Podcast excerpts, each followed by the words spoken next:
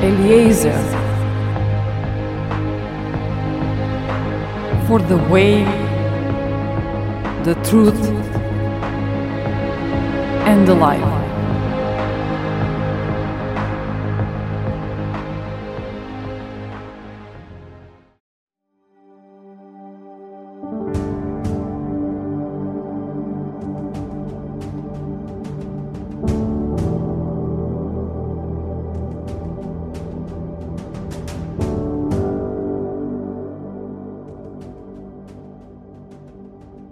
Are we going to choose? What is our choice for today? Let's think about this. Every time we lie, is it God's will or the devil's will? Every time we cheat, is it God's desire that we see or the devil's desire? Every time we steal, is it the God's desire that we fulfill or the devil's desire? How can we fulfill the devil's desire and at the same time declare ourselves as children of the Most High?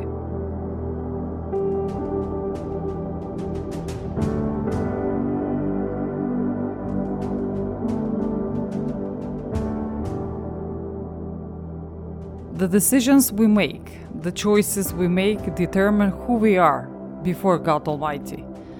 This message is not to condemn us or to make us feel bad. This message is to confirm the truth, because the truth will set us free, as Jesus Christ speaks.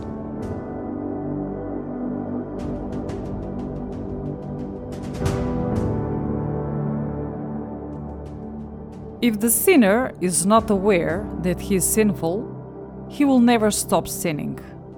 If you don't know that what we are doing is wrong, then how are we going to change and do the right thing? As children of God, we are given the right to choose. The right to choose between right and wrong. The right to choose between light and darkness.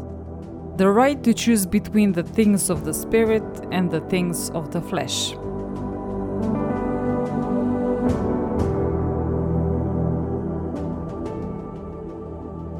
Many times, when we feel pressure at work, at home, with people around us, with friends, something happens and we feel offended. Something happens and we feel like we are being treated unfairly, or that everyone is against us and we feel left out. So we begin to resist everyone, to fight with our loved ones, with our coworkers, to get rid of our anger. An excuse, whether right or false, is what we use to justify or explain our wrongdoings. For instance, if someone goes to court and the judge asks him, Why did you kill your wife? And he answers, You're right, judge, I killed her, but I loved her and I didn't want her to be with anyone else and to be only mine. I thought it was better to kill her. Human justification can exceed the limits of so called rational justification.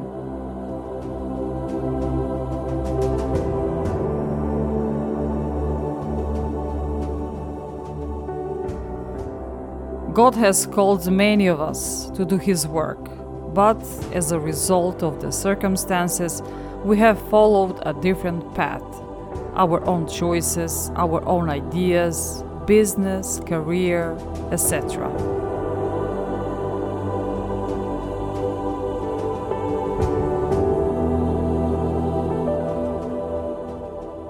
But no matter how many times we tried, it was unsuccessful. And then we ask ourselves, what is happening? Why does nothing go right? And we have forgotten that God gave us instructions for righteousness and told us that we should serve Him. He told us that we should do the work that He told us to do. But we didn't believe Him and asked Him thousands of questions. But that cannot be. How will I succeed? I can't do it. Let someone else do it. I have other plans.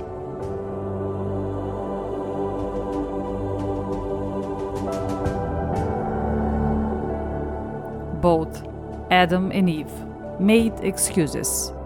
But you can see what happened to them. Now we all are paying for their mistake. The question from God to Adam was Adam, why did you eat from the fruit? He answered, Lord, I'm not guilty. Eve made me do it. And to the same question, Eve answered, Lord, I'm not guilty. The snake tricked me and let me bite from the fruit. And you, snake, why did you deceive them? And the snake's answer was, Lord, if indeed they were your children, as they said they were, they should have been more careful. They should have done the right thing. And each of us has some kind of justification. And what God should have answered that, yes, indeed, it's my fault that I created you all. They were all trying to prove that God was to blame, not them.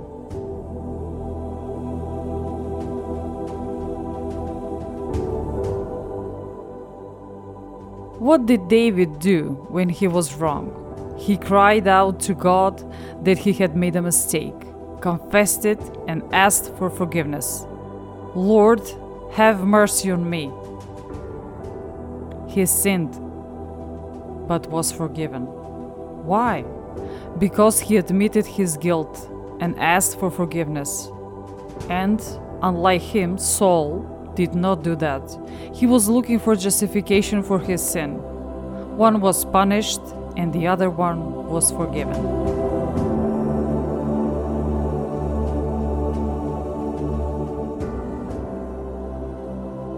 Nobody is perfect. Let's be real. Nobody. Jesus Christ is the only one who is perfect. There is a curse of imperfection that has haunted humans since the fall of Adam and Eve.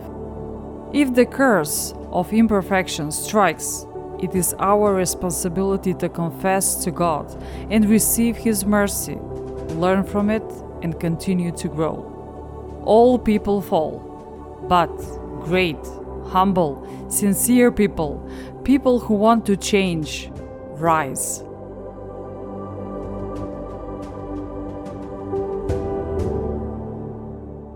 The Lord God is telling us today, just as He says in Jeremiah, the 18th chapter Turn, I beseech you, each of you from your evil way, and correct your ways and your deeds.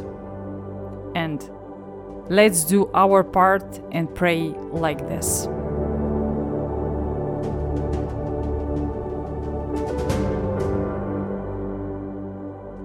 To you, O Lord, I lift up my soul.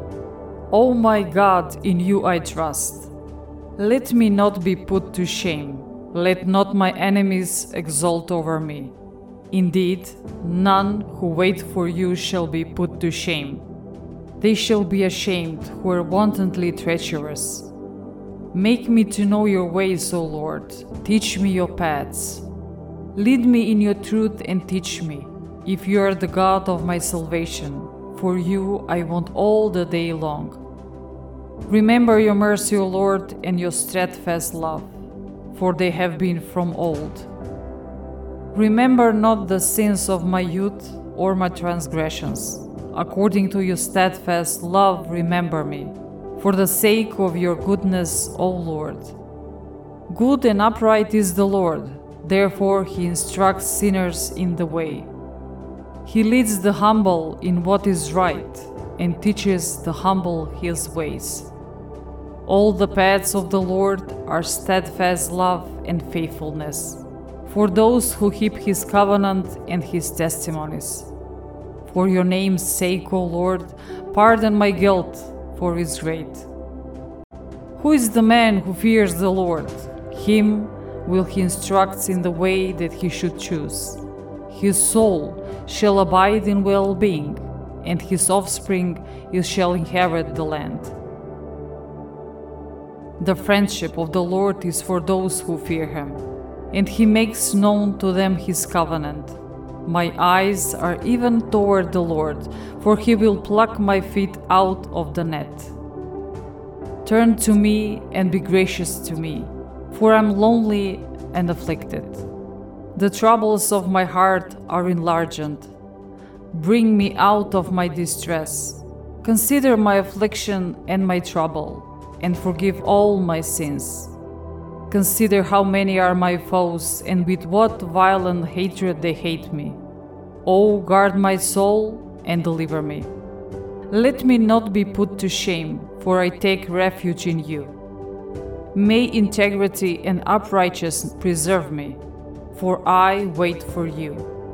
Vindicate me, O Lord, for I have walked in my integrity and have trusted in the Lord without wavering. Prove me, O Lord, and try me. Test my heart and my mind. For your steadfast love is before my eyes, and I walk in your faithfulness. I do not sit with men of falsehood, nor do I consort with hypocrites. I hate the assembly of evildoers, and I will not sit with the wicked. I wash my hands in innocence and go around your altar, O Lord, proclaiming thanksgiving aloud and telling all your wondrous deeds. O Lord, I love the habitation of your house and the place where your glory dwells. Do not sweep my soul away with sinners, nor my life with bloodthirsty men, in whose hands are evil devices, and whose right hands are full of bribes. But as for me, I shall walk in my integrity. Redeem me and be gracious to me. My foot stands on level ground.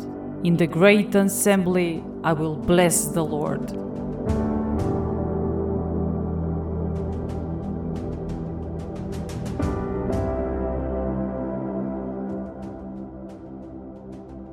You have been listening to the podcast Eliezer.